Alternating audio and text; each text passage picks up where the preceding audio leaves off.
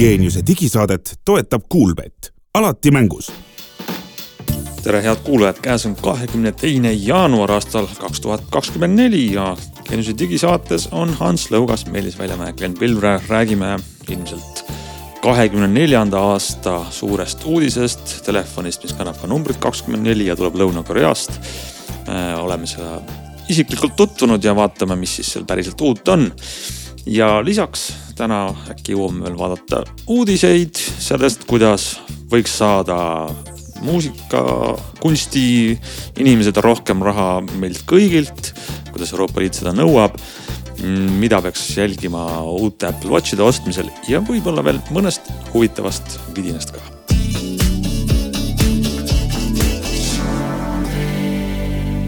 Nonii, aasta on alanud, jaanuar on käes, Samsung on välja toonud, maailmale näidanud oma Samsung Galaxy S kahtekümmend nelja, mis äh, on ka kohe kakskümmend neli jaanuar müügil ja võiks siis panna sellise märgi maha, et selle aasta üks olulisem, kas üks, üks kõige olulisem uus telefon. Meelis ja Glen, te olete mõlemad seda S kahtekümmend nelja nüüd ise käinud vaatamas, uurimas ja teil on esimene mulje juba käes. no ma tõmbaksin ka selles mõttes kohe natukene pidurit, et me oleme teda vaadanud niimoodi, et ta on olnud stendi peal ja, ja oleme võtnud natukene kätte ja siis silitanud siit ja sealt küljest, aga kindlasti vajaks see telefon ikkagi ähm, sügavamat sisevaadet, mille me loodetavasti saame vaatajat juba äkki järgmisel nädalal teha, et. et selles mõttes need muljed on, on suhteliselt põgusad, aga kui võib-olla võtta nagu sissejuhatuseks väga lühidalt kokku kogu see pikk äh, meediakära, siis tegelikult on päris märgiline, et esimest korda mulle vähemalt tundub, ei ole nagu põhifookuses nagu kaamerad enam, ma ei mäleta, kas aasta wow. tagasi. alati on olnud kaamerad. alati on, aga, aga nüüd on siis, me oleme jõudnud sinna, kus põhiline rõhk on sõnal ai, et tegelikult noh, isegi kahe väiksema mudeli, noh neid mudeleid tuli siis välja kolm. S kakskümmend neli, S kakskümmend neli pluss, S kakskümmend neli ultra. väiksemal kahel kaamerad jäid vist parandage mind, kui ma teeksin täpselt samaks, seal ei juhtunud vähemalt äh, parameetrite järgi mitte midagi. tõsi, sellel suuremal, äh, kusjuures kummalisel kombel just parameetrite järgi läks isegi, üks kaamera läks küll paremaks, aga teine kaamera läks äh, füüsiliste parameetrite järgi isegi lahjemaks, nimelt oli siis eelmisel S kahekümne kolmel ka kümnekordne optiline suum, tõsi, seal oli kümne megapiksline sensor seal taga. nüüd siis S kakskümmend neli ultral on viiekordne optiline suum, aga seal taga on viiekümne megapiksline sensor ja kokkuvõttes tõepoolest tänased kas see pildid..., kas see on nüüd siis üks samm tagasi ja kaks sammu edasi või kuidas? no pigem umbes nii jah, sest et. me ei tea. kvaliteedi mõttes igal juhul tõesti kümnekordne optiline suum või noh, ütleme kümnekordne suum S kahekümne neljast näeb täna välja ilusam kui kümnekordne optiline suum S kahekümne kolm ultrast. nii et selles mõttes on tõesti seal õigus, et, et on seal siis nüüd ai mängus või mingid muud asjad mängus, igal juhul see väide nagu äh, toimib, et kui me vaatame jah parameetritest, aga. Samsung nii väidab jah, ja väga põnev oleks seda tegelikult pikemalt testida, et ma Eh, proovisin korraks kehvades tingimustes niimoodi hästi kiirelt ja kolleeg Marko Habiktil oli samuti kas Galaxy S23 ultra kaasas seal esitlusel, siis tema ka proovis ja noh, esimese, esimesed tulemused on sellised, et kohati on eh, natuke parem ja kohati natuke kehvem, aga üldiselt on üsna sarnane, ehk siis see viiekümne megapiksline sensor võimaldab siis teha nii-öelda sensor crop'i ehk sealt eh, pildisensori keskelt välja lõigata siis see kümne megapiksline osa või see nii-öelda see, see kümne koos zoom'iga osa. ja siis mingisuguse tehisintellekti ja muude trikkidega seda pilti siis nagu paremaks teha, et.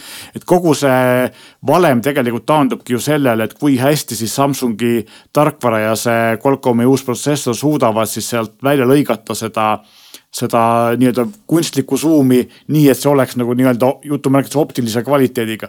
et tegelikult sama asja teevad paljud teised, et ka Samsung teeb seda praegu näiteks sellesamal S kakskümmend kolm ultra, mis mu käes on no,, tuli tarkvara uuendusega ja, ja siis selle Samsungi Q-Dock mooduliga eh,. vanasti olid optiline suum on tal, eks ole, ühekordne, kolmekordne, kümnekordne, aga tuli ka siis samamoodi selle ühekordse kahesaja megapikseli sensori pealt lõigatuna kahekordne suum nii-öelda kadudeta. ja see töötab päris hästi ja ka teised konkurendid teevad teevad seda, aga keegi ei ole teinud seda nagu päris nii suure suumi ulatuse juures, eks ole, et, et eks näha on, huvitav on näha igal juhul, kuidas, kui hästi või halvasti see töötab.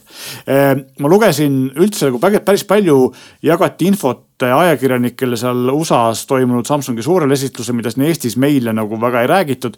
ja üks nendest oligi see, et Samsungi loogika selle juures oli see, et, et päris paljud inimesed tahavad kasutada just väiksemat suumi rohkem kasutatakse ühesõnaga kolmekordset ja viiekordset suumi kui kümnekordset suumi ja see äh, tavalise kolmekordse suumiga kaamerast välja lõigatud viiekordne suum eelmisel mudelil ei olnud nagu nii hea. ja nüüd nad siis nagu üritavad just nagu rõhku panna sellele, et pakkuda seda, mida kliendid on neilt küsinud, ehk siis sellist vahepealset suumi ulatust, mis ei oleks päris kümnekordne, aga oleks suurem kui kolmekordne, sellele kvaliteedile rõhku panna. noh, võib-olla neil õigus, iseenesest ma nagu mõeldes saan aru, et see võib täiesti tõsi olla. see on väga loogiline, see arendustsükkel, kus kõigepealt tuleb see inseneriosakonnast see maksimaalne asi välja, pandakse ühte mudelisse kümnekordne suum. siis on see aastake turul ja siis saadakse aru, et noh, et see on küll kõva müüginumber, aga inimesed tegelikult ei kasuta seda mm. -hmm. no ma tõesti ei tea, kümnekordse suumiga, mida sa nopid, aga seda pardikest sealt kaugelt merelt merelt laineharjalt uppi ulpimas, võib-olla paar korda äge, aga igapäevaselt ju tõesti ei kasuta seda. mina olen kasutanud ja mulle täitsa meeldis just nagu selliseid kaugemaid pilte tehes, eriti kuskil välismaal reisil käies, aga. aga ma jah, ei saa, ei saa välistada seda, et Samsungil on õigus ja, ja tõepoolest tegelikult viiekordne suum. kvaliteetne viiekordne suum on pra võib-olla praktilisem kui see kümnekordne. see annabki võimaluse tegelikult seda muuta just nimelt mm, -hmm. eks ole, et kümnekordsest nii-öelda kümnekordse optilise baasilt viiekordset on väga keeruline teha, piltlikult öeldes mm -hmm. ei saagi teha, aga vastupidi, saad seda väga hästi teha. ja kui kvaliteet ei muutu, on ju, on ju kõik väga hästi, eks ole, aga muidugi kui, kui nagu üldse vaadata võib-olla seda, et mis läks edasi või mis läks tagasi nagu naljakalt nii-öelda sama ringi tammume me ka kogu aeg disaini mõttes, et iseenesest. et kui sa täna paned kõrvuti, noh kui sa vaatad nüüd kolme mudelit, mis välja tulid, siis noh, kaks neist, kaks väiksemat ikkagi nagu selgelt on täpselt samasugused nagu iPhone viieteistkümned, et nüüd ma, ma isegi ei saa nagu täpselt aru, et kas see, kas see on nagu sõltumatu tulemus või, või noh, et. ma nagu isegi tahaks öelda, et keegi kedagi nagu kopeerib, see disain käib lihtsalt ringi ratast, et. et nüüd me oleme jõudnud jälle tagasi siis sinna kohta, kus telefoniservad on sellised noh, sirged, ütleme nii-öelda, kuidas ma siis ütlen, otsevaates sirged aga, aga teistpidi kumerad ehk et, et nii-öelda pealtvaates on siis natukene kumerad, aga, aga külje pealt katsudes on nad sirged, mitte enam siis sellised kaarijad, täpselt nagu iPhone'il ja, ja ekraan on siis täiesti tasapinnaliseks läinud. ei olnud see ju väga ammu, kui meile kõigile räägiti, kui äge on see ekraan, mis ei ole tasapinnaline ja kõik voolab sulle kätte, et ja no nüüd, nüüd siis me saame teada, et ikka väga äge on just see ekraan, mis on tasapinnaline. see laine käib edasi-tagasi. tegelikult kehtib eh, siis ultra puhul, eks ole, et väiksematel mudelitel oli ka varem eh, noh, tasapinnaline või kandiline ekraan. aga noh, olgem ausad, ega väiksematel mudelitel aastaid tagasi ei olnud tasapinnaline ekraan, ma mäletan ja. väga hästi seda Samsungi. ma ei mäleta, mis generatsiooniga küll tuli see kaardusekraan, aga see oli tol hetkel täiesti selline selline esmane vau-efekt. see oli ülikõva sõna. ülikõva sõna meil nüüd voolab ekraan kätte, et muidugi, kui me disainist räägime, siis nüüd nüüd ongi nagu kummaliselt nii, et Samsung sellel suuremal mudelil noh, kas kummaliselt ja nüüd, aga endiselt kuidagi see suurem mudel ehk ultra tegelikult äh, sealt taga paistavad kogu aeg selle Galaxy Note'i kõrvad. et, et see on absoluutselt teistsuguse disainiga telefon. sellel ei ole siis sellist disainikeelt, et servad on sellised ümmargused, seal on kõik äh, asjad nurgelised, küll aga on siis teistpidi ümarad need küljed ehk et see ultra näeb välja piltlikult nagu ikka vana hea Note, mille sees on siis peidus äh, pliiats ja, ja mis, mis nagu väga selgelt eristub siis kahe, kahest teisest, mis on siis S kakskümmend neli, S kakskümmend neli pluss. aga nüüd, äh, mis, kui ma korra lähen tagasi selle kandilise ekraani juurde, siis tegelikult äh, siin on samamoodi, et äh, Samsung ju tegi selle ekraani nüüd Note'il või sellel ultrale, ma ütlesin ka automaatselt Note. S84 ultra uuesti lamedaks sellepärast, et oli väga suur hulk kurtjaid selle üle, ilmselt on olemas mingi võib-olla väike, aga väga häälekas seltskond, kes üldse, kelle üldse, üldse ei meeldi see ümara küll serva taga ekraan ja. ja nad ütlesid, et see on nagu väga suur viga Samsungi poolt ja nüüd siis Samsung on teinud selle kandiliseks ja vähemalt praegu vaadates nagu selliseid. Eh, sellel üritusel kohal viibinud tehnikaajakirjanike väiteid, siis nemad, paljud on sellega väga rahul, sest et on olemas jah, mingi seltskond inimesi, kellele see ümarate servadega ekraan üldse ei meeldinud. ei no ilmselt ei meeldi sellel põhjusel, et neil läheb pliiats üle serva, et ma olen nagu vaadanud ka paljud, kes joonistavad ja siis pliiats läheb üle serva. jah, mulle meeldib vastupidi, ma pliiatsit väga vähe kasutan, praktiliselt üldse ei kasuta, kuigi ma kasutan igapäevaselt S23 ultrat. aga mulle meeldib äh, selle telefoni puhul need ümarad servad sellepärast, et äh, tegemist on kuue koma kaheksa tolliseks väga suure ekraaniga telefoniga, ta on väga suur telefon. ja see kumerekraan ja kumerad servad teevad selle telefoni käes hoidmise mugavamaks, sest ta tundub väiksema, kui ta tegelikult on, kui need servad oleks oleks kandilisemad, siis ta tunduks käes suurem ja ta hoida oleks ebamugavam. ma tegelikult võrdlesin seda seal esitlusel ka, võtsin S23 ultra ümbrisest välja ja proovisin ja tegelikult tõesti käes on ta minu käe jaoks natuke ebamugavam ja ega samas see, see sileserv annab nagu teatavaid mingeid muid eeliseid, aga, aga ma praegu eelistaksin Eh, kumeras serv, aga see on täiesti maitse asi. no võib-olla, kui sa ootad umbes kaks või kolm aastat, siis lähevad need servad jälle kumeraks ja see on väga suur edasiminek. ja, et hiinlased teevad ju väga palju kumerate servadega ekraane ja sellepärast eristuda, et võib-olla siis teised firmad äh,. Apple ja Samsung ja, ja Google ka, Google läks ka ju muideks oma äh, Pixel kaheksa Pro'l oli minu arust eelmine aasta kumerad servad ja sel aastal on seitsmel oli see kumerad ja sel aastal on, on lamedad. see ongi tegelikult ikkagi naljakas, et, et see disain käibki sellist ringiratast sammu kogu aeg, et noh, me paar aastat. aga see on muidugi ka kõnekas, et me räägime S24 puhul kõige rohkem ikkagi kumeratest servadest ja noh. no see näitab nagu seda, kui vähe on tegelikult pealkiri. muutunud ja, ja noh, tegelikult eks me selle lõpliku järelduse saame öelda ikkagi siis, kui me oleme neid ise proovinud, võrrelnud eelmise aasta mudelitega.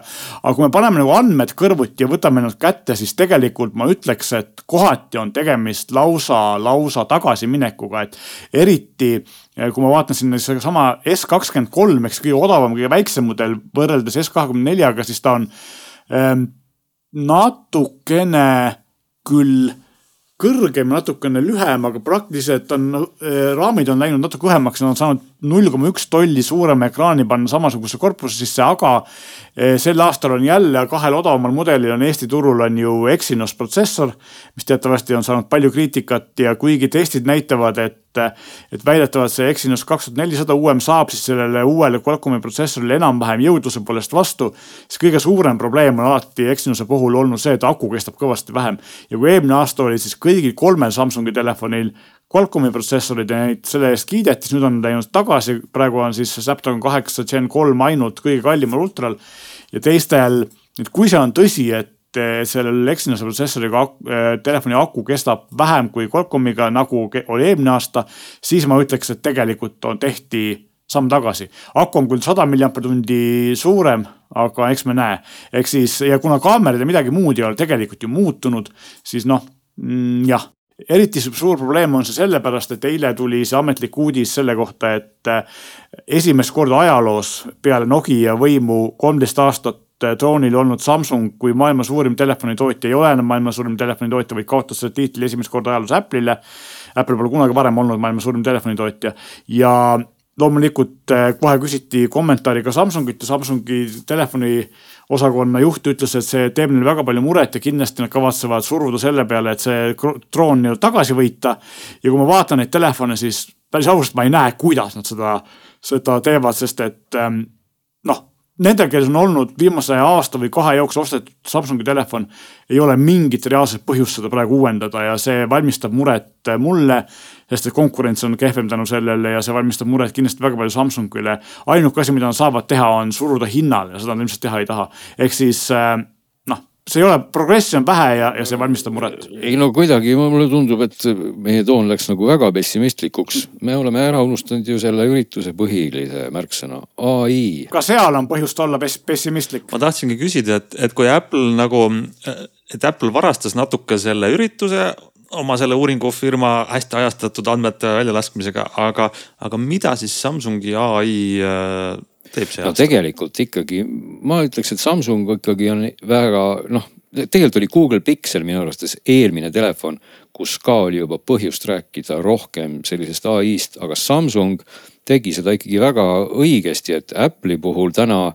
ma ei mäleta, et me oleksime Apple'i telefonide puhul rääkinud nii palju sellisel kujul olevast ai-st, nagu me täna saame ikkagi rääkida Samsungi puhul, sest et tõepoolest on Samsung pakendanud siis ütleme nii seda ai-d tegelikult väga-väga nutikalt juba igale poole. iseasi nüüd on tõesti see, me peame seda muidugi praktiliselt kasutama ja noh, meie teine traagika on see, et me oleme endiselt Eestis ja, ja suur osa sellest ai-st lihtsalt eesti keeleruumi ametlikult ikkagi ei toeta.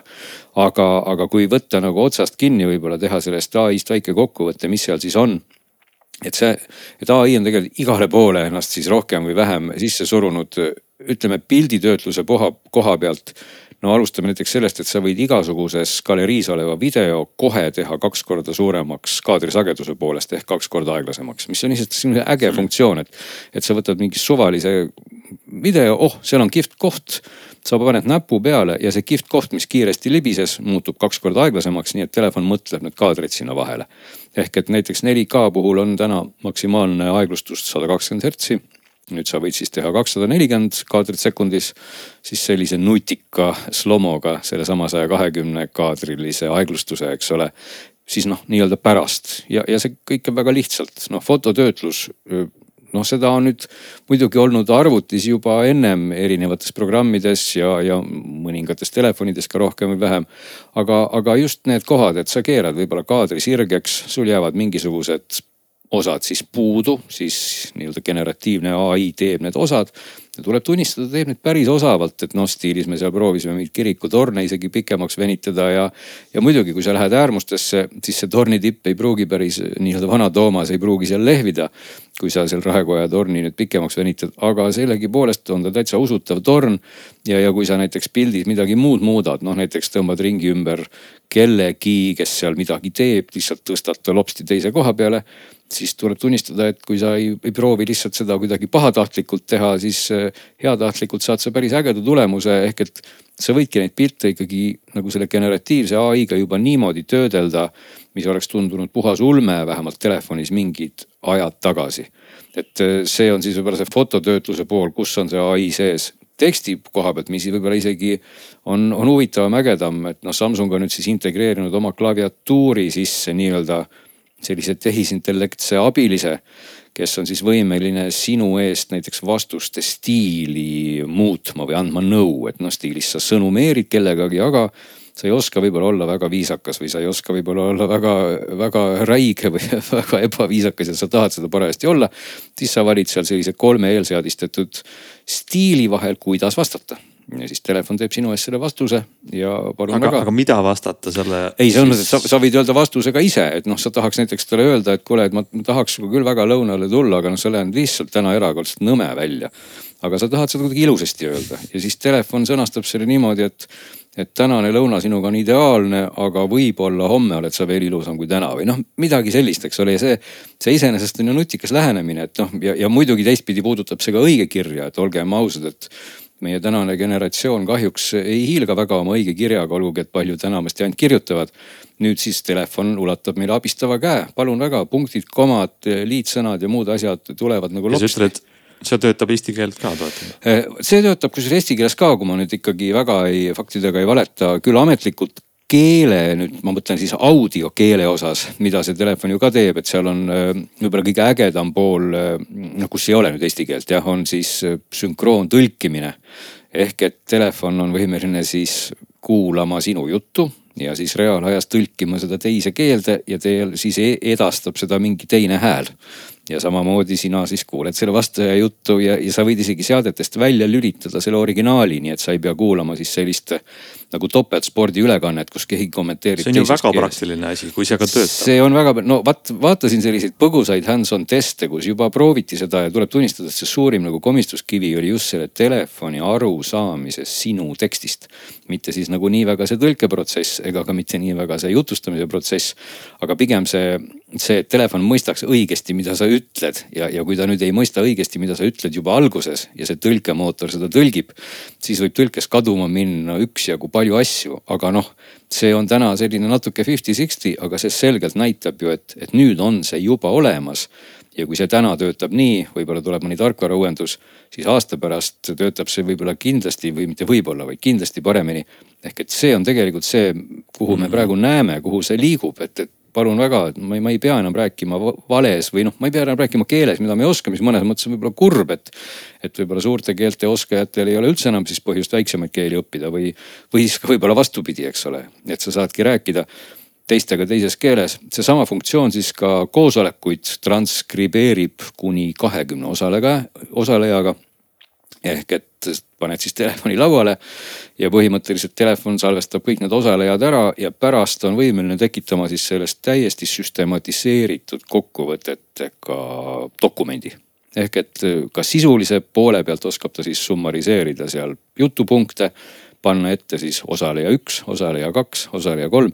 et teoreetiliselt jällegi tundub ju sellise sarikoosolekute pidajate jaoks ideaalne vahend, et, et, et pärast saada siis teada, millest inimesed seal päriselt rääkisid või, või siis noh, mille, millest ei räägitud. samamoodi seal on see koht, kus, kus jällegi küsida võib, et kas see tehisintellekt saab ikkagi sellest jutust hästi aru, sest noh. ütleme, et seesama keskkond, milles näiteks meie teeme praegu oma saadet, see muide ju transkribeerib ka ja see transkribeerib ka eesti keeles aga olgem ausad, ma ei tea, me võime mõnikord võib-olla oma saate huumorirubriiki panna natuke seda transkriptsiooni sest et see on ikka nii loominguline, kuidas, kuidas täna see tehisintellekt sellest eesti keelest aru saab, et, et. et noh, kui, kui telefonis koosolekuid samamoodi nagu transkribeerib. see on tegelikult sult hea nutikas mõte, et võiks ükskord teha väikse sellise ähm, võidujooksu.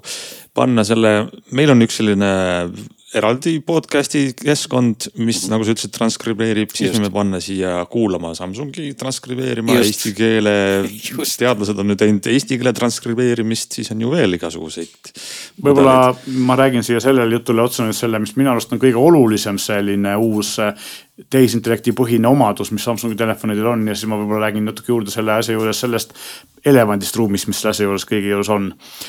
nimelt siis kõige olulisem asi on äh, circle to search ehk siis tee ring ümber, et otsida, mis on siis selline omadus, et kui sa oled ükskõik millises äpis või veebis, sa hoiad all, kui sul on all see kolme nupuga riba, seda kodunuppu või kui sul on see viibetega Androidis liikumine, sa hoiad all seda noh, seda alu, alumist äärt nii-öelda. ja siis tekib selline kast, kuhu saad tõmmata ringi ümber suvalisele pildile, tekstile või muule asjale. ja aktiveeritakse selle põhjal Google'i otsing, see on väga kiire ja see on väga mugav ja see on tõsiselt nagu hea asi. no siin ma ütleks kohe muidugi vahele, et tegelikult see on, see on Samsungi poolt väga nutikas lüke, kuidas nii-öelda siis jutumärkides turundada ammu olemasoleva asi paremasse pakendisse, sest tegelikult Google Lens ja. on olnud ju olemas aastaid ja noh, telefonides noh, ütleme minul on see OnePlus, on ja. ta kogu aeg mul kaameras olemas.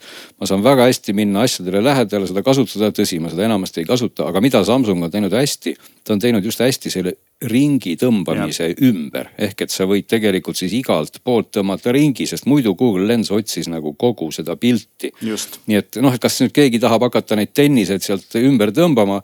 no ma ei, ma ei oska öelda, aga iseenesest see mõte, et tõmmata ring ümber suvalistele asjadele, see on hea. selle asja geenius on just see, see lihtsus, kui lihtsalt sellele ligi pääseb, et sa pead mingit eraldi äppi asja lahti tegema ja nii edasi. aga äh, element ruumis on nüüd see, et suur osa, et mitte öelda enamus, see on koht, millest Eestis meile kliendiga ei räägitud, aga millest räägiti palju selles USA-s toimunud esitlusel äh,.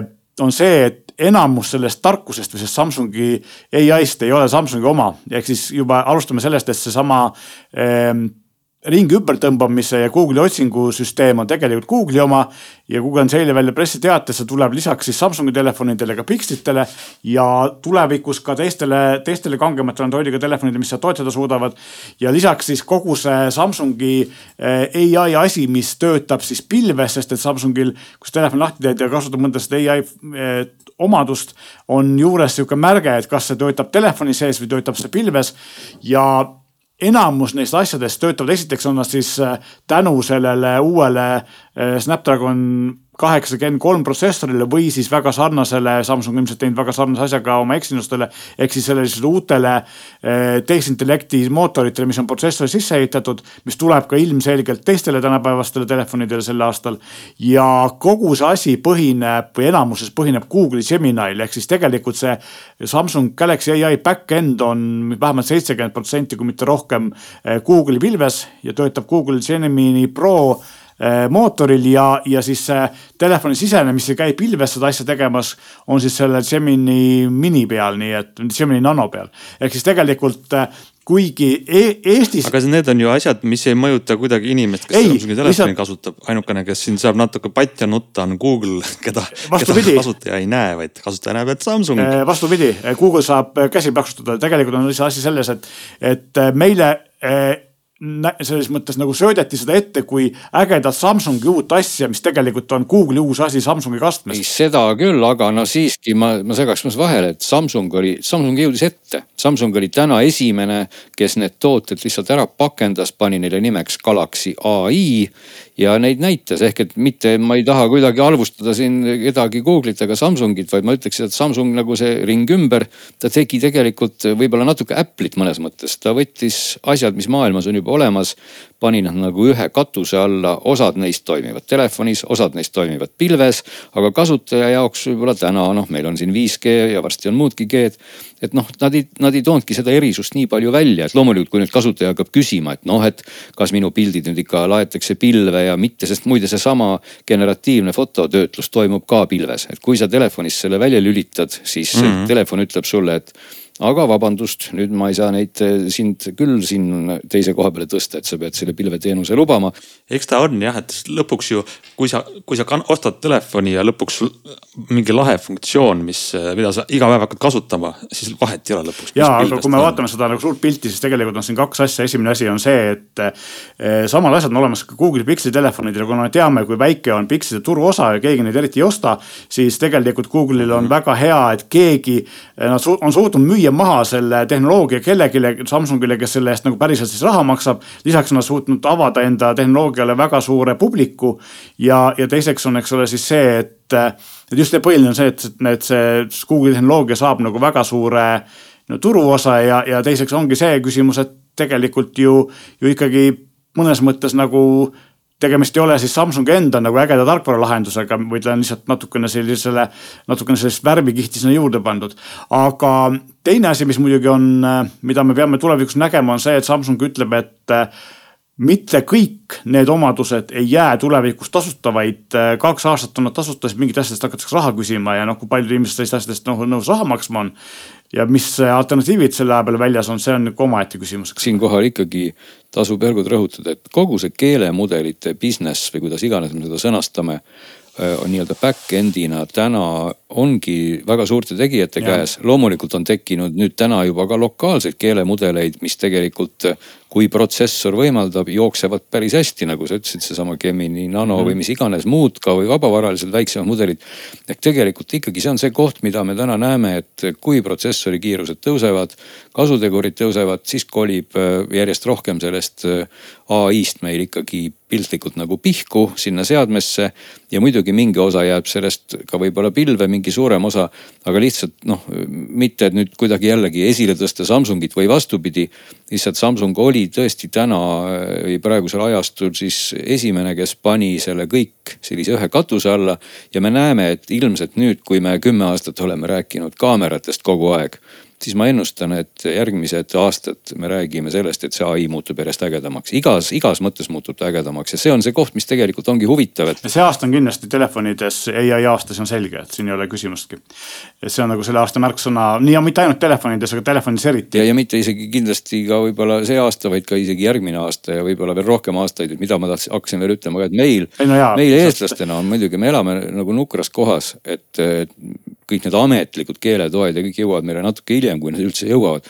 aga teistpidi see keelemudelite tänane olukord on ikkagi näidanud, et eesti Nii keel on ei, ei ole kuskile ju päriselt ära kadunud, et võib-olla see on tulnud nagu sellise kaasproduktina, mida pole ja. mõeldudki, aga noh, me nagu veel kord öelda, me saame ju, me saame GPT-ga rääkida eesti keeles, samamoodi Google Bardiga ja teistega.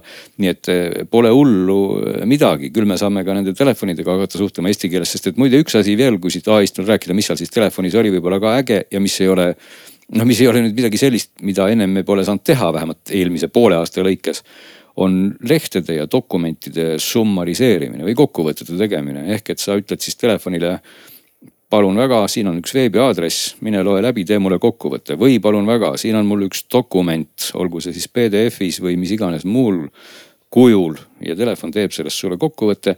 noh, seda teeb ka täna eh, meil veebipõhine tehisintellekt, aga jällegi Samsung tõi selle oma telefoni ja see on funktsioonina seal. mina ütlen, et siin on olulisem küsimus, milline ai mudel sul taga on piltri puhul see pole nii tähtis, aga tekstiga kokkuvõtete tegemisel näiteks OpenAI äh, uudistest ei tee tihti kokkuvõtteid, kuna seal on nagu vastuolulised teemad ja, ja ta keeldub, kui on tegu poliitika, sõja, konfliktiga, siis ei tee.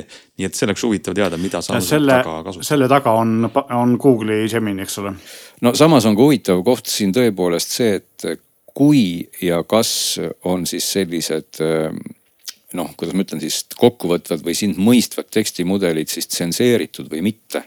et iseenesest see punkt üldse täna noh, kui sa vaatad neid siis sinu vestluskaaslaseid, eks ole, siis äh, paljude või noh, paljud on nüüd liialdus, aga, aga see ongi seesama koht, kus väga hästi saab eristuda sellega kas see konkreetne ja. teenusepakkuja on tsenseeritud või mitte. sest enamik on. nendest on, et, et kui sa täna ikkagi proovid Seda hakata GPT-ga rääkima mingisugust ja. kahtlast juttu, kus terendavad, terendavad mingid ebatsensuursed märksõnad või, või mingisugused kurjad plaanid siis üsna varsti öeldakse sulle, et, et asi on halb või isegi võib-olla hullemal juhul juhtub midagi. aga teistpidi, kui nüüd keegi pakub sellist teenust, mis on täiesti tsenseerimata, siis äh, on selles palju suurem väärtus võib-olla normaalse inimese jaoks. ehk et me oleme täna natukene olukorras, kus, kus piltlikult äh, noh, me peame nagu valima, et kas meile meeldiks normaalsete inimestega, normaalsete inimestena kasutada keskkondi, kus nagu suur vend ei tee meie eest otsustada. või pigem me tunneme muret selle üle, et tõmbame kõigil need võimalused maha, sest kusagil on mingid perverdid ja ebanormaalsed inimesed, kes seda kurjasti ära kasutavad. no aga see on juba teine teema, sest vot kui, kui Samsung selle võimaluse teeb, siis on seal taga üks teenusepakkuja ja mina tegelikult kasutajana nagu ei saagi valida, on ju, et selles mõttes mul ei ole seal seda õigust. jah, ja see, see lootus, et, et seda tsenseerimist ära kuidagi jääks, seda ei juhtu, et see on nagu välistatud, eriti Euroopas, kus ikkagi seadused on karmid ja lähevad järjest karmimaks. see võib juhtuda kuskil tumeveebis, kuhu tehakse mingisugune päris tsenseerimata eh, tehisintellekt, aga, aga seni, kuni on see nagu avalikuks kasutamiseks, siis eh, nii kui keegi teeb sellise, mis ei tsenseeri, siis see bännitakse päris kiiresti ära. aga ma tahtsingi siia lõppu lisada, me läksime juba Samsungist natuke kaugele, aga teistpidi võib-olla me võikski mingis saates võtta selle veel pikemalt ette, et, et tegelikult eh, need tehisintellektsed kaaslased, siin oli alles see oli mingid nädalad tagasi, kui ma ei eksi, kas oli see New York Times või mingi väljaanne, võttis just nimelt luubi alla selle, et et need tehisintellektsed sõbrad, sõbrannad siis kuidagipidi nagu innustasid tagant noh, ütleme siis lapspornograafiat, selliseid eba, ebaseaduslikke asju ja seal tegelikult võeti siis küsitluse alla päris mitu tänast tegijat ja pakkujat. ja küsiti ka nende nagu feedback'i sellele, seal olid nagu siis üritatud provotseerida neid kaaslasi nende näidete peal. ja tegelikult sealt jäi kõlama üks, ühe sellise pakkuja, kes tegelikult muide pakub täna tsenseerimata mudelit ja, ja nende selline põhjendus on tegelikult päris, päris nagu loogiline või, või kas siis nii-öelda nutikas. ehk et tegelikult see tehisintellekt ei tee ju mitte midagi muud, kui peegeldab meile inimeste poolt antud sisu tagasi. ehk et see on täpselt seesama, seesama koht, et kui ma ostan kööginoa ja löön selle kellelegi kõhtu siis kuidagipidi ei, ma ei saa öelda, et see kööginoa tegija oleks paha, sest ta on teinud selle noa singi lõikamiseks. aga, aga, aga kui sa oled kööginoa tegija, siis sa ei tohi öelda, et seda, sellega saab kellelegi kõhtu lüüa, et see on see vahe. ja ai seda praegusel juhul teeb. ei, ei noh, ai ei tee seda, ega siis see ai pakkuja ei ütle sulle, et seda palun kasuta meie keskkonda selleks, et lapsi kujutada ebatsensuursetes olukordades. Nad ei ütle seda kaugelt. see su näide sellest, milleks neid kasutatakse, on ilmselt selgitabki ära, miks varem või hiljem äh, tsenseerimata mudeleid ei ole, sest inimesed mitte pole selle tehnoloogia süü, vaid inimesed, kes seda kasutavad, teevad sellega rõvedusi ja sellepärast pannakse need kinni nii et selles mõttes probleem on ikkagi nendes inimestes. see on sama põhjus, miks eriti Euroopas, see on sama põhjus, miks meil ei saa osta ka äh, sõjas kasutatavaid automaate Euroopas, aga USA-s saab, eks ole, et, et. ei no äh, jah, aga see, kui, kui nüüd selline stsenaarium realiseerub, siis on meil ka kööginoad kadunud. väga hea hüpotees, mida võime kontrollida aasta pärast, kas on kööginoad veel müügil või ei. aga mul tunne, et meil läheb Samsungi uuest telefonist jutt natuke kaugele. ma ja. saan aru, et kahe päeva pärast on ta tegelikult meil müügil ja ma ei tea, kuidas nüüd teie siin julgete väljavaadet anda kuulajatele, aga ma arvan, et me saame siin lähemal ajal ka teha ühe pikema ülevaate päris oma kogemustest. meil oli tegelikult jäi mainimata see, see keskmine mudel, et kui äh, ma ütlesin, et see kõige väiksem S24 on nagu selline võib-olla isegi tagasiminek, siis S23 neli plussil on kaks asja, et tal on natuke suurem aku, natuke rohkem suurem aku ehk siis kakssada milliampertundi suurem aku ja ta ekraan on nüüd sama resolutsiooniga või sarnasega, mis on siis ultral ehk siis kõvasti suurem resolutsioon, et seal nagu on neid muudatusi rohkem. kaamerad ja muud asjad on samaks jäänud. aga eks me näe jah, et selles mõttes on ähm, huvitav näha, mida siis turg nendele nendega teeb, arvestades, et see muudatus on põhiliselt tarkvaras ja vähem siis riistvaras. ei no selge see, et teeme ikkagi kindlasti mõne toreda eksperimendi, mul juba hakkas mõte liikuma, et me saame ju vabalt mm -hmm. teha sellise, sellise sünkroontõlkelise saate näiteks, et mina räägin siis ütleme eesti keeles, telefon tõlgib sellest saksa keelde, siis võib-olla Meelis kuulab saksa keelt, kui ta sellest ise aru ei saa, siis ta võtab telefoni, laseb selle tõlkida hispaania keelde ja Hansul on siis telefon, kes kuuleb hispaania keelt ja tõlgib selle näiteks äh, tagasi eesti keelde. Samsung juba, juba väriseb. sest tekstist ei, ei ole mitte midagi järgi vaatame, mis jäi. see on selline moodne telefonimäng, vana hea sihuke lastemäng telefon. sõna otseses mõttes telefonimäng kuule, see on hea, hea mõte, pargime selle mõtte ära, võtame ette äh,. mis me tänases saates jõuame veel rääkida ähm,, väike nupuke Brüsselist või äh, Strasbourgist, ma nüüd täpselt ei teagi, kummas linnas see oli, sest Euroopa Parlament käib mõlemas linnas koos. parlamendis on nüüd siis äh, plaan võtta pihtide vahele Spotify ja teised mm, streaming'u pakkujad, kes natukene kuulab äh, muusikuid, muusikud, kes ei ole Taylor Swift megastaarid, siis nad, muusikud ütlevad, et see Spotify on nagu ikkagi annab sendikopikaid, et sa pead seal miljoneid kuulamisi saama selleks, et saada normaalset sissetulekut. Spotify annab liiga vähe. mida täpselt Euroopa Parlament tahab teha, ei tea ju Glen teab kindlasti sellest taustast rohkem, kuna ta on muusikamaailmaga rohkem kursis, aga ma tahaks öelda seda, et, et siin on kaks probleemi, esimene probleem on ju see, et vist mul on jäänud mulje, eks Glen parandab, kui ma eksin, aga et, et maksma hakatakse üsna hilja, ehk siis tegelikult, kui sa, su lugu, lugu kuulatakse tuhat korda, siis sa veel ei saa nagu mitte midagi. tegelikult võib-olla sa võiks olla kuidagi kaldu nende väiksemate striimerite poole mingisuguse koefitsiendi või asjaga.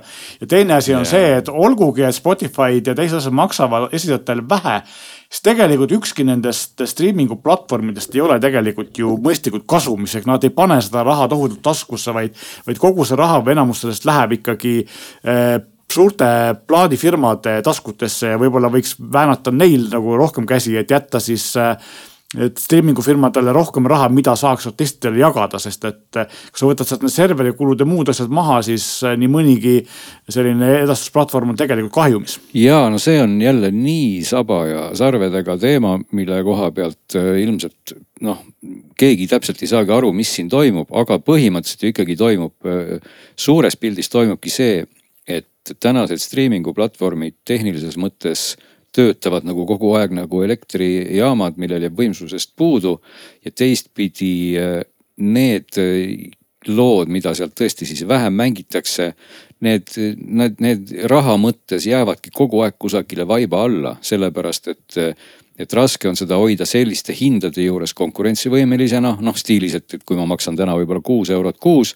ja nüüd selle raha eest piltlikult võin kuulata nagu nonstop ju muusikat, ehk et tegelikult ma mõtlen, mõtle nagu niipidi, eks ole, et sa, sa maksad selle raha ja siis iga kuu võid sa kuulata siis lugege kokku mitu minutit muusikat ja siis see kuus eurot ju jaguneb ära siis minu raha kõikide nende lugude peale ehk et, et sealt tekibki tegelikult see koht, et, et kuidas seal võrrandis hakkavad siis kokku minema nagu tasuvus.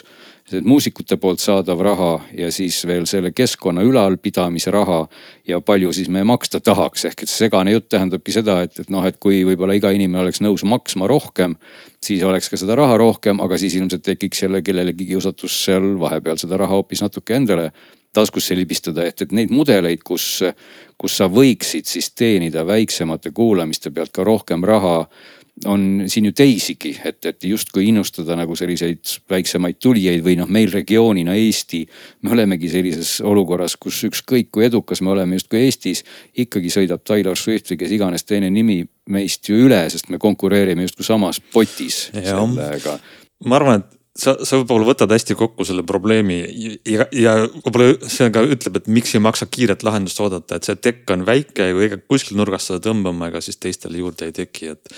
Kui, kui Brüssel hakkab lahendama mingit ärilist probleemi, et liiga vähe raha jääb autoritele, no siis keegi peab hakkama juurde maksma, et äh.... me võime ka laiendada sedasama teemat ju vabalt mitte ainult muusikale, vaid kogu striimitavale sisule, sealhulgas ka videod, eks ole, me teame ju väga hästi, et. et kui me teeme Youtube'i videoid, palju sealt saab raha ja, ja siis, siis me olemegi selles kohas jälle tagasi või edasi, et noh, miks, miks näiteks Eestis siis nii-öelda olemaks Youtuber, kui sa teed eestikeelset sisu on praktiliselt võimatu, et mitte öelda väga keeruline, sest et need, see vaatamiste arvu pealt saadav raha lihtsalt on nii marginaalne. Ja isegi kui sa vaatad ka ju suuremaid välismaa tegijaid, kellel on seal kümned tuhanded vaatamised, võib-olla ka sajad tuhanded vaatamised. ja ka nemad tegelikult väga aktiivselt otsivad sponsoreid ja väga tihti neid sponsoreid ka näitavad, sest et noh, sealt sa ikkagi saad selle mingi serva kätte. ja see, kui sa tõesti oled juba miljoni liigas no, siis võib-olla hakkab sul tekkima sealt mingisugune tagasi, tagasitulek iva, mida, mida selle uudise juures nagu esile tõsteti, on on tegelikult nagu asjalik, et, ähm, et soovituste algoritmid ka loevad. see, kui ma mängin selle loo ära ja mis hakkab järgmisena mängima, see tegelikult võib mõjutada suurel skaalal päris palju, kuhu raha voolab kas ta läheb jälle Taylor Swiftidele või ta läheb väiksematele artistidele? tegelikult vähemalt Spotify nagu üritab vähemalt mingil määral vähemalt näiliselt tuua esile esiteks nii kohalikke artiste kui ka siis jah, selliseid vähem tuntud asju, mis sinu nende arvates sinu maitsega sobivad ja minu arust nad üritavad sellega teha nagu päris head tööd, et vähemalt mina olen neid näinud ja olen ka avastanud asju, mida ma varem pole, pole kuulnud.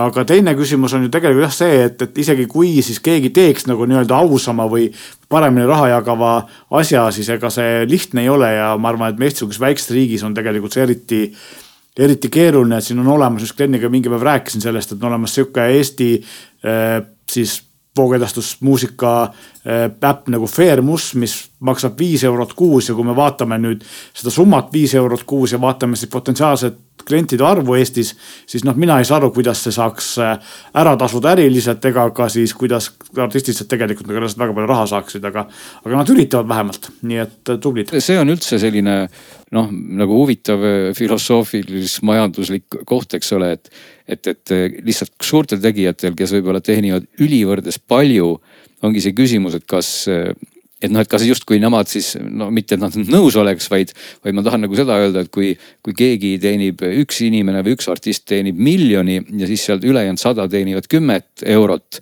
siis ilmselgelt see, kes teenib miljoni, ei oleks iseenesest nõus kohe oma miljonist loobuma või seda kaheks jagama. aga teistpidi, kui juba see platvorm jagaks selle raha nii ära, et sellest miljonist võetakse lupsti ära pool ja antakse talle viissada tuhat ja piltlikult see viissada tuhat jagatakse siis selliste väiksemate tegijate vahel ära. siis tegelikult ilmselt oleks väiksed tegijad palju rohkem rõõmsamad kui suurtegija kurb, sest et, et noh, suurtegija saab niikuinii üüratult palju, aga väiksed tegijad saavad oma proportsioonis üüratult palju rohkem. see on see loominguline sotsialism, mis alati on, keegi on rõõmsam, kes saab rohkem ja kurb, keegi on kurb, kes saab veidi vähem, nii et. täpselt ehk, et see on seesama küsimus, et kui sa saaks iga kuu palka viiskümmend tuhat eurot ja siis öeldakse sulle nii, et järgmine kuu saad sa nelikümmend tuhat. kas sa nüüd teed kohe suurest nii-öelda kurvastusest enesetapu, aga kui sa öeldakse, et sa saad palka sada eurot ja järgmisest kuust saad tuhat siis ilmselt muutuks elu palju rõõmsamaks, et ma tahan nagu öeldagi seda, et suhtarvudena mingitest piiridest ülespoole muutub see nagu olukord pigem selliseks numbriliseks, et see on juba nagu hasartmäng, et see ei tähenda enam nagu eksistentsiaalselt ei muutu enam sinu jaoks midagi, vaid pigem vastupidi, aga kui selline alustav kultuurmuusik ei teeni mitte midagi ja saab kolm eurot, siis see on see eksistentsiaalne probleem. no vot, see on sihuke maailmavaate küsimus on ju, et, et kas panna sissetulekule ülempiir või mitte aga just, just. Äh, kas me jõuame võib-olla vaadata veel siis veel väikest tarbijanõuanda mm, Apple Watchi osas? Äh, eelmine aasta äh, Ameerikas said viimased Apple Watchi mudelid keelu ja ma saan aru, et põhjus ei olnud midagi tegelikult dramaatilist. et need müük, müük ära keelati maailma ühel suuremal ettevõttel, vaid lihtsalt patendivaidlus selle, selle sensori üle, mis mõõdab äh, kellaga sinu verehapniku taset igatahes nüüd on Apple siis äh, saanud äh, kätte äh, valmis uued mudelid, kus on sellest patendiga, patendivaidluses olevast sensorist loobutud. ja see tähendab, et, et uute see on siis seeria üheksa ja Apple Watch Ultra kaks mudelid on, on nüüd müügil. mis on mõnevõrra vaesemad, põhimõtteliselt nad siis ei saagi kasutada seda, seda sensorit aga vähemalt on nende müük tagasi. nii et ma kujutan ette, et kui kuskil on veel laoseis sellistele vanadele mudelitele, millel see sensor on, siis on võib-olla siin oluline vahe, millist osta saab teate, ma arvan, et te eksite, sest et äh, ma olen päris kindel, et see sensor on kõigil neil olemas ja see on tarkvaraselt kinni keeratud. no igal juhul on see kummaline praegu, et ütleme, ega tavatarbija jaoks vist ei olegi siin midagi väga kuidas ma ütlen, et, et väga, väga suuri järeldusi siit ei olegi teha no,. kurb on see, et see verehapniku sisalduse mõõtmine on äh, väga oluline asi tänapäevastel nutikelladel ja kõigil uuematel, kangematel on see peal no,.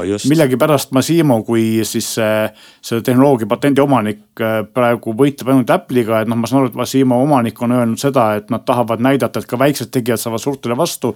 ma ei tea tausta, kas tegelikult on see, et et teised siis Huawei'd ja Samsungid ja teised maksavad äh, Huawei, Massimole selle patendi eest ja, ja Apple ei maksa või teades, et see minu arust see sensor on olemas ka vanematel äh, nendel Apple Watchidel. et äkki on seal see, et lihtsalt Apple tegi uuemates mingi teistsuguse lahenduse, mis siis seda, seda patenti rikub ja vanemad ei riku, et see võib ja siis teised, kellel ka mitte.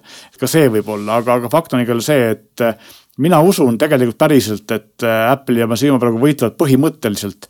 ja kui see kohtuotsus tuleb äh, Massimo kasuks, siis lihtsalt tekib, tuleb seal kiiresti mingisugune kokkulepe ja see raha vahetab äh, omanikku ja siis omadus tuleb Apple Watchile tagasi. mina, mina jällegi ei usu, et nad võitlevad põhimõtte pärast ma arvan, nad võitlevad puhtalt sellepärast, et vähe maksta just. ja Massimo tahab, tahab palju just. saada, sest rikas firma aga no sellegipoolest see on eh, noh, selles mõttes selline võitlus, mis, mis mina arvan, et lõpetab sellega, et Apple annab raha ja Massimo ütleb, et kasutage mu patenti ja, ja üks kokkuvõte veel võib-olla see, et ikkagi väga loll olukord Apple'i kellaseeriale, mis on nagu tohutult läbimüügiga, aga ikkagi tootena selgelt jällegi nõrgem konkurentidest, nii et. Äh, ei muidugi iseasi on see jah, et kas sa nüüd tõesti noh, võib-olla väga paljud inimesed tegelikult seda funktsiooni ju ei kasuta, aga see on see koht, mis tõesti nagu nihuke de facto standardina ju täna igal pool on. ja sellest on väga hea kinni hakata ja öelda, et ta-ta-ta jah no,, aga mis eriti, see siis nüüd sul on, eks ole. eriti oluline on see just Apple Watchi puhul, sest Apple on ju see firma, kes ikkagi äh, üritab ennast positsioneerida kui sellist tervise ja, ja just, meditsiini no, just, just toodete pakkujana, sest äh, see pulssoksümeeter on tegelikult hästi oluline asi, kui ta hästi töötab näiteks uneapnoe tuvastamisel, ennetamisel ehk siis nagu oluliste ohtlike tervise selliste vigade tuvastamiseks on seda võimalik kasutada. kahtlemata võib, võib-olla on, on ja ei vaidle, küll pean tunnistama, et ma ise nagu praegu personaalselt küll ei mäleta, millal mul nüüd kell oleks mul midagi halvasti või hästi selle kohta öelnud või millal ma oleks seda tarbinud, aga see ei tähenda muidugi, ma ei taha siin üldse üldistada, et ilmselt on väga palju. ma arvan, et äh, su kellad ei ole sellepärast äh, sulle midagi öelnud, et sul see näitaja on lihtsalt normis. võib-olla küll jah, ma isegi ei ole kindel, kas tegelikult mul on siin praegu Huawei GT4 küll, et seal vist sai valida, kas ta mõõdab seda kogu aeg, et ma ei pea niiviisi tunnistama, et võib-olla ma olen aku huviduse, aku huvituse säästmise või säästmise huvides isegi keeranud selle pideva monitoorimise äkki välja, et, et see on ka võib-olla variant. ja see võtab üsna palju, see võtab üsna palju voolu, et äh, või akut, see on selge. aga, aga loomulikult ta on jah olemas, et ilmselt kui sa ikkagi, kas sul on võib-olla mingi tervislik konditsioon või sa tegeled tõesti spordiga või, või noh, mis iganes. et sind see näitaja huvitab, siis, siis loomulikult see, et tänane kell seda ei tee, on sihukene noh, see peaks seal olema jah. ma arvan, et äh, meil on võimalus järgmistest seadmetest rääkida lähemalt järgmisel nädalal, sest et täna oleme saanud piisavalt Äh, anda keelemudelitele tööd uue sisu genereerimisel, kes saavad meie saadet kuulata, transkribeerida, mõtestada ja loodetavasti ka mõnele inimkuulajale. nii et selle kohta ütlen mina täna kõigile osalejatele, kuulajatele aitäh ja oleme tagasi juba järgmisel nädalal.